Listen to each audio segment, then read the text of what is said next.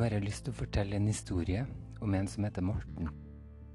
Jeg hadde en samtale med han for noen eh, dager siden. Vi har en del eh, felles venner eh, oppe i Nord-Norge. Og jeg vært kjent med Morten gjennom dem.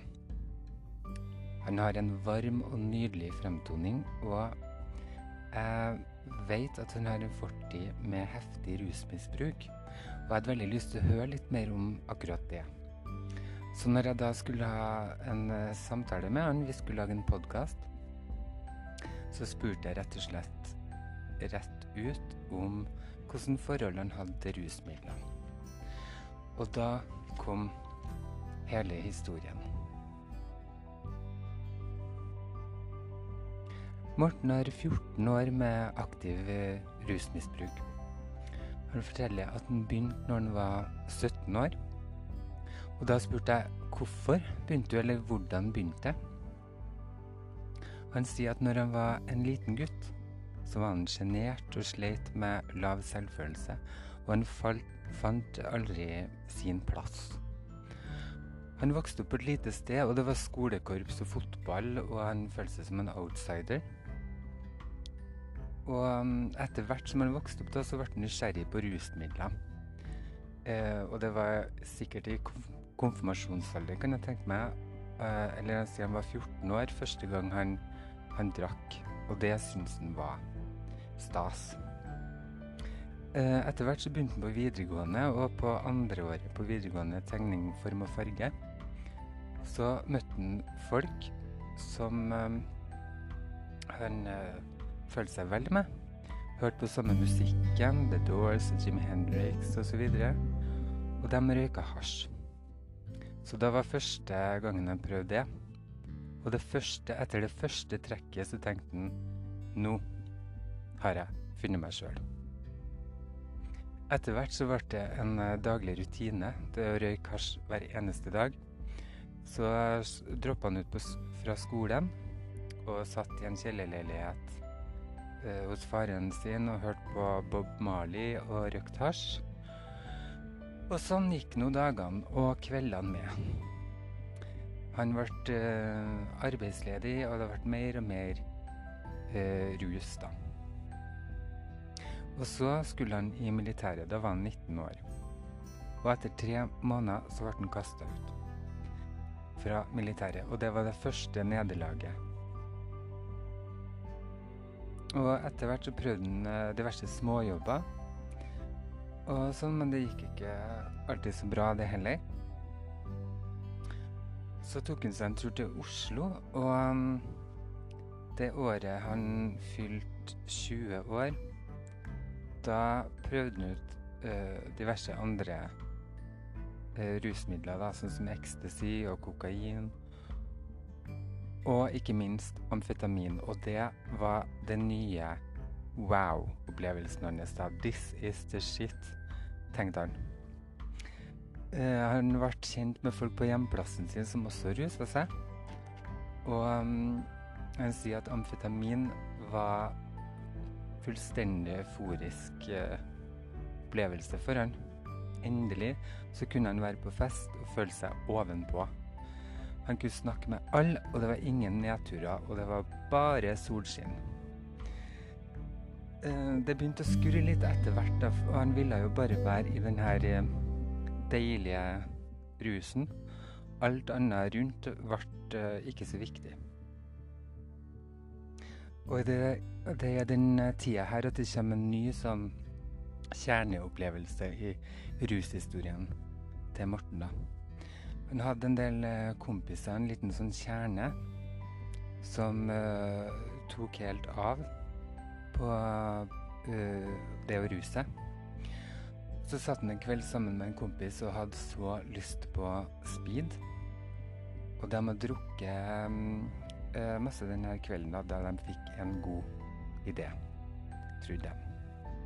De kjente en sliten, gammel alkoholiker som bodde like i nærheten.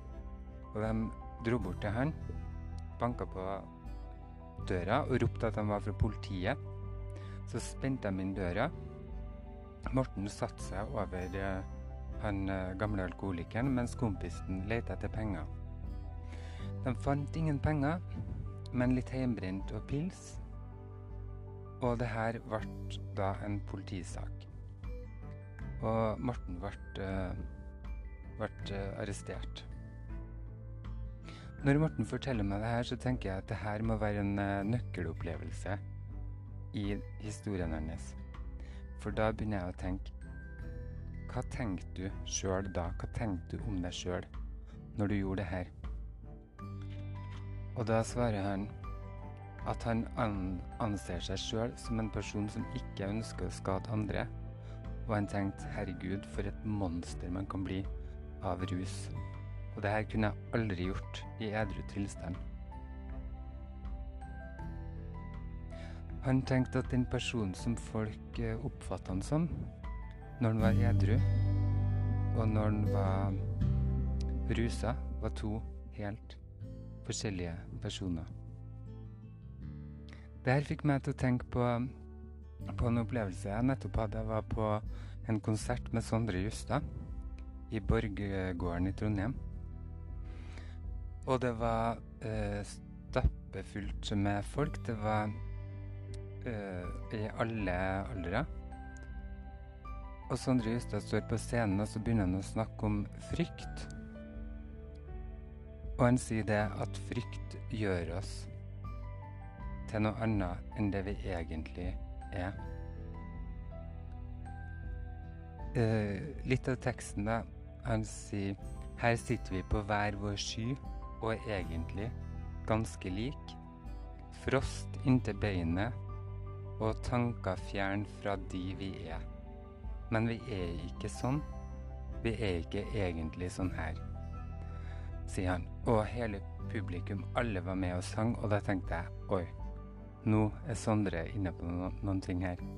Han sier så mye med så få ord. Og eh, Morten, den frykten som Morten hadde i starten, før han starta med å ruse seg, det var jo at han var utenfor. Hadde ikke selvtillit, han var redd. Og rusen øh, bedøvde han og fikk han bort fra den frykten. Men den gjorde han også til noe som han egentlig ikke er.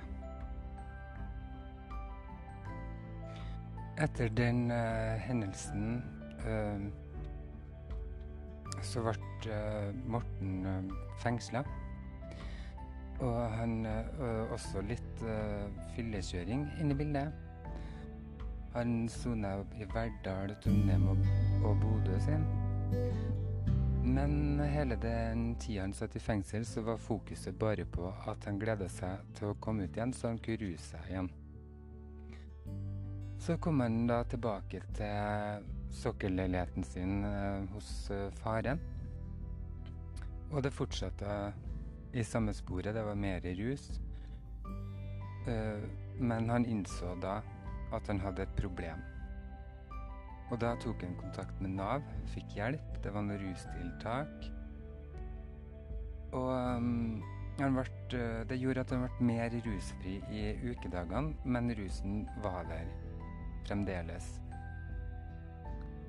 Og har brukt mange, mange år siden da på å innse det at han ikke kunne ruse seg. Og det har vært veldig mange opp- og nedturer før han kom til den uh, erkjennelsen. da. Eh, akkurat på den tida her så ville han ikke slutte å ruse seg, men han ville lære, lære seg å ruse seg, sier han da. Han tenkte at det måtte finnes en slags gyllen middelvei. Men etter hvert så fant han ut at det ikke var realiteten. Han klarte ikke å se for seg uh, det å um, ikke få lov til å røyke hasj eller ta seg en dram. Uh, for det må da gå an med litt, tenkte han. Han forteller meg det at rusavhengighet er en uh, følelsessykdom han sier at han aldri har klart å mestre følelsene sine. Han rusa seg.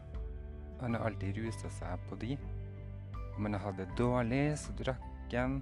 Hvis han hadde det bra, så drakk han. Han klarte ikke å takle de her sterke følelsene da, uten å ha rusmidler i kroppen. Han øh, valgte øh, heller å ruse det bort øh, gang på gang.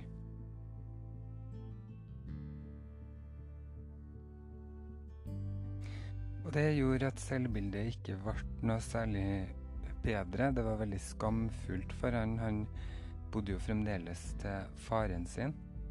Det gjorde han til han var 30 år. Og um, alt han prøvde på, gikk i dass fordi at han rusa seg. Alle jobber og, og, alt som kunne gå bra ei stund, uh, gikk i dass av rusen, da. Men etter hvert så begynte han på kokkeutdannelse og, og, prøvde seg på det. Og der møtte han en dame som han begynte å ruse seg på amfetamin sammen med, da. Men det her førte til flere år i, i det som uh, eh, utvikla seg til et destruktivt forhold med masse slåssing og, og mer rus. Og han sier at han har sett bilder av seg sjøl fra den tida, og da hadde han et tomt blikk og et slitent ansikt, og han syns det er jævlig å se tilbake på, da. Og det her var omtaler han som de mørkeste årene eh, i livet sitt, og det skremmer han i dag. Tenk tilbake på, på det. I den tida med, med, det destruktive forholdet så la han seg inn eh, på uh, La han seg inn i tre måneder på avrusning. Men uh, etter det så eskalerte det igjen, da. Og da kunne han ha perioder der han kunne drikke i 14 dager i strekk. Men så tenkte han at han skulle um, skulle prøve noe nytt, og han flytta til søstera si i Oslo for å prøve å søke seg jobber og komme litt på rett uh, kjøl igjen. Men som han sier sjøl, eh, man kan ikke springe fra hodet sitt, sier han. Eh, så etter hvert da så Han, han jobba i Posten, og, men han klarte ikke å holde på den jobben. Kom rusa på jobb og forholdet til søstera begynte å bli tynnslitt. Han prøvde å skjule drikkinga si. Hun kunne finne ølbokser gjemt overalt. Og uh, han var bare i fornektelse. Han sier sjøl at 'jeg var den siste som visste at jeg var full', sier han. Da lurer jeg på eh, hvordan det Hvordan han sjøl opplevde sine nærmeste i den tida. Da sier han at de var bare veien for han, for han ville bare ruse. Og, um, og da var jeg også nysgjerrig på hva han mener er den beste måten å forholde seg til folk som ruser seg på, da, hvis man har noen eh, nært seg som, som ruser seg. Han sier at uh, at de som ruser seg, er nødt til å komme til den uh, erkjennelsen sjøl. Uh, det at de har et problem, at, at de må ta tak i det um, frivillig. Og, um, og dem som er rundt, må prøve å ha litt distanse til det. Den som ruser seg, vil bare bruke dem som er rundt seg, for å fortsette å, å, å ruse. Og man blir utrolig selvsentrert og egoistisk, sier, sier Morten. Men, øh, men samtidig så sier han at det må være veldig vanskelig for øh, spesielt for foreldre kanskje å sitte og se på at barnet sitt kjører livet sitt i grus. Man, man kan motivere dem til rusbehandling og, og, og sånn, men det er et fryktelig vanskelig tema fordi at man må komme til den bekjennelsen sjøl. Han, han, er utrolig takknemlig for å ha hatt en så res ressurssterk familie. Og han har en far som har stått opp for han i tykt og tynt. Hadde det ikke vært for han, så hadde han bodd på gata. Han eh, ser i etterkant hvor mye han har belasta familien rundt seg, men faren ga han aldri opp. Og det, det syns jeg er, er sterkt å høre. Jeg tenker at det er sikkert mange som gir opp både to og tre ganger. Uh, men det er sikkert også noen som ikke gjør det, for det er tross alt barnet deres, og de vil dem vel. Og det er så godt å høre at han hadde hatt de her rundt seg, for det kunne ha gått så mye verre. Videre så fortalte han at han etter den eh, tida i Oslo så dro han tilbake igjen da nordover, og da satt han alene i, i to måneder. Og um, han prøvde å ta seg sammen, rusa seg i helgen, uh, men bestemte seg for at han ville jobbe med barn. Og han gikk eh, barne- og ungdomsarbeider og fikk praksisplass i en barnehage. Og det gikk bra. Og, og da var det nok en sånn piffeny der han tenkte at det her er noe som jeg har lyst til å gjøre. Men det var ikke uh, rusbasert, den her lysten, så det var en vekker uh, for han, virker det som, da. Um, og um, og det gikk veldig bra i den barnehagen, men han, eh, han ruset seg av og til helgen. Og så begynte han eh, Siden at det gikk så bra, da, så tenkte han at eh, det går sikkert bra å røyke litt hasj sånn av og til. Men så kommer det en episode som er nok en sånn avgjørende episode hos Morten, da. Der han eh, ikke får tak i noe, noe eh, hasj eller rusmidler. Han har alkohol. Og så kjenner noen som har noe sterk epilepsimedisin som han eh, blander med alkohol. da. Og det gjør at han blir Han blir veldig rusa, så han sykemelder seg fra, fra jobben en dag. Og, men i denne rusen da, så går han til sentrum, og det siste han husker, det er at han står og tømmer en halvliter med vodka utenfor kjøpesenteret. Og da begynner han å kjefte og krangle med folk, og det, det, er en sånn matfestival i sentrum. Og der er det jo besteforeldre og foreldre til de her barna i barnehagen da, eh, som ser det her. Og til slutt så svimer han av og blir henta av politiet. Og uh, han snakker med de på barnehagen som sier at det er en uh, god idé at han ikke kommer tilbake til den barnehagen med det første. Og da blir han sittende og synes synd på seg sjøl i, i, noen uker, da. Men til slutt så tenker han at det her går ikke lenger, og han legger seg inn på rusbehandling. Og det er det beste valget han har tatt i hele sitt liv, sier han. Eh, rusen hadde ødelagt eh, nok en gang. Og endelig så han funnet noe som han likte å holde på med, og, og det var noe som ga han så stor glede uten at det var rusavhengig, da. Og det Det må jeg si sjøl at jeg tenker at Eller jeg ser veldig for meg Morten som en nydelig eh, barnehageonkel. Da. Han har sånn fantastisk fin eh, karisma. Han forteller om når han gikk ut av eh, porten på barnehagen og ser alle de smilene fra, fra barna, hvor mye uh, det gjorde, gjorde med han, og hvor sterkt han ønska hjelp.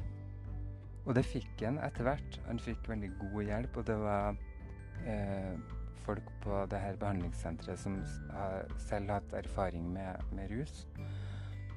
Og um, han sier at gjennom så mange år så har det bygd seg opp en hel demning av uh, følelser, og plutselig så åpna de her seg, og følelsene kom ut. Men det var i, i trygge former, i form av denne behandlingssenteret som gjorde at han kunne lære seg å takle det uten, uten rus. Og det her med å tåle å være sårbar eh, syns jeg er veldig spennende tema, da. Det er så mange mennesker som jobber så hardt med å skjule sine sårbare sider, og, det, og da kommer det til uttrykk forskjellige eh, måter å takle det på. da, Om du, om du ruser deg, eller om du gjør andre et sånt tiltak for å fremstå som, eh, som perfekt, på en måte. Eh, men mange, og sånn som Morten, da, kommer til slutt fram til at det er ikke så farlig å være seg sjøl med alle sine feil og mangler. Og han sier nå at det å være seg sjøl, det er bra nok. Før så hadde han vært full av skam på det her eh, hvor skamfullt det var å være 29-30 år og, og fremdeles bo hjem til faren sin, var arbeidsledig og møte gamle skolekamerater da, som hadde jobb og hus og bil og, og alt det der.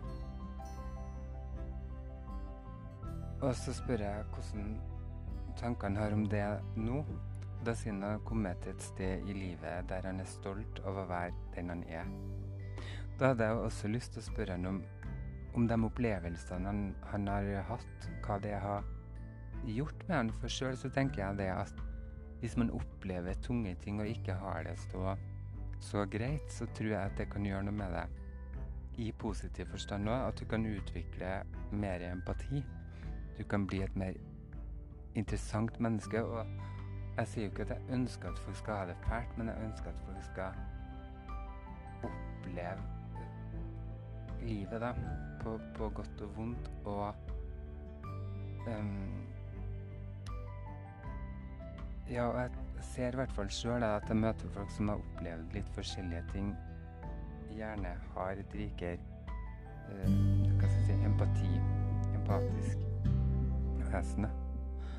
Han sier at han er, um, Morten sier at han er utrolig glad for at han har den historien som han har. I dag at han setter mye større pris på livet sitt.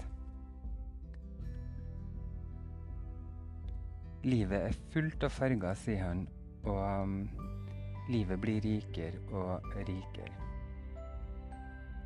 I, um, før uh, tidligere i år da, så hadde han sagt til seg sjøl at det her skal bli den beste våren og sommeren uh, som han har hatt, og det har det også blitt.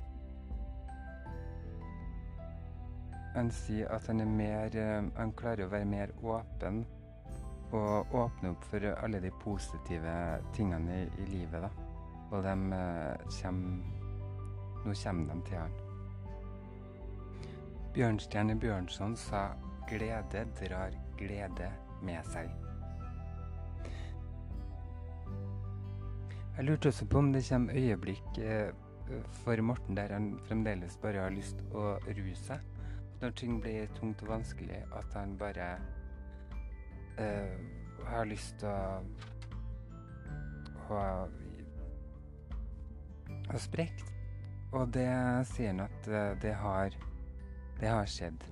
Hun har hatt noen, uh, noen sprekker. Og han har innsett det at han er nødt til å jobbe hele tida. At det å være rusmisbruker er en sykdom. Og at han aktivt er nødt å jobbe med seg sjøl, at han er nødt til å gå på møter eh, i denne foreninga han er tilknytta. Men han angrer aldri på det når han går på de møtene, og at han får stor glede av det. Og han er endelig kommet hjem igjen.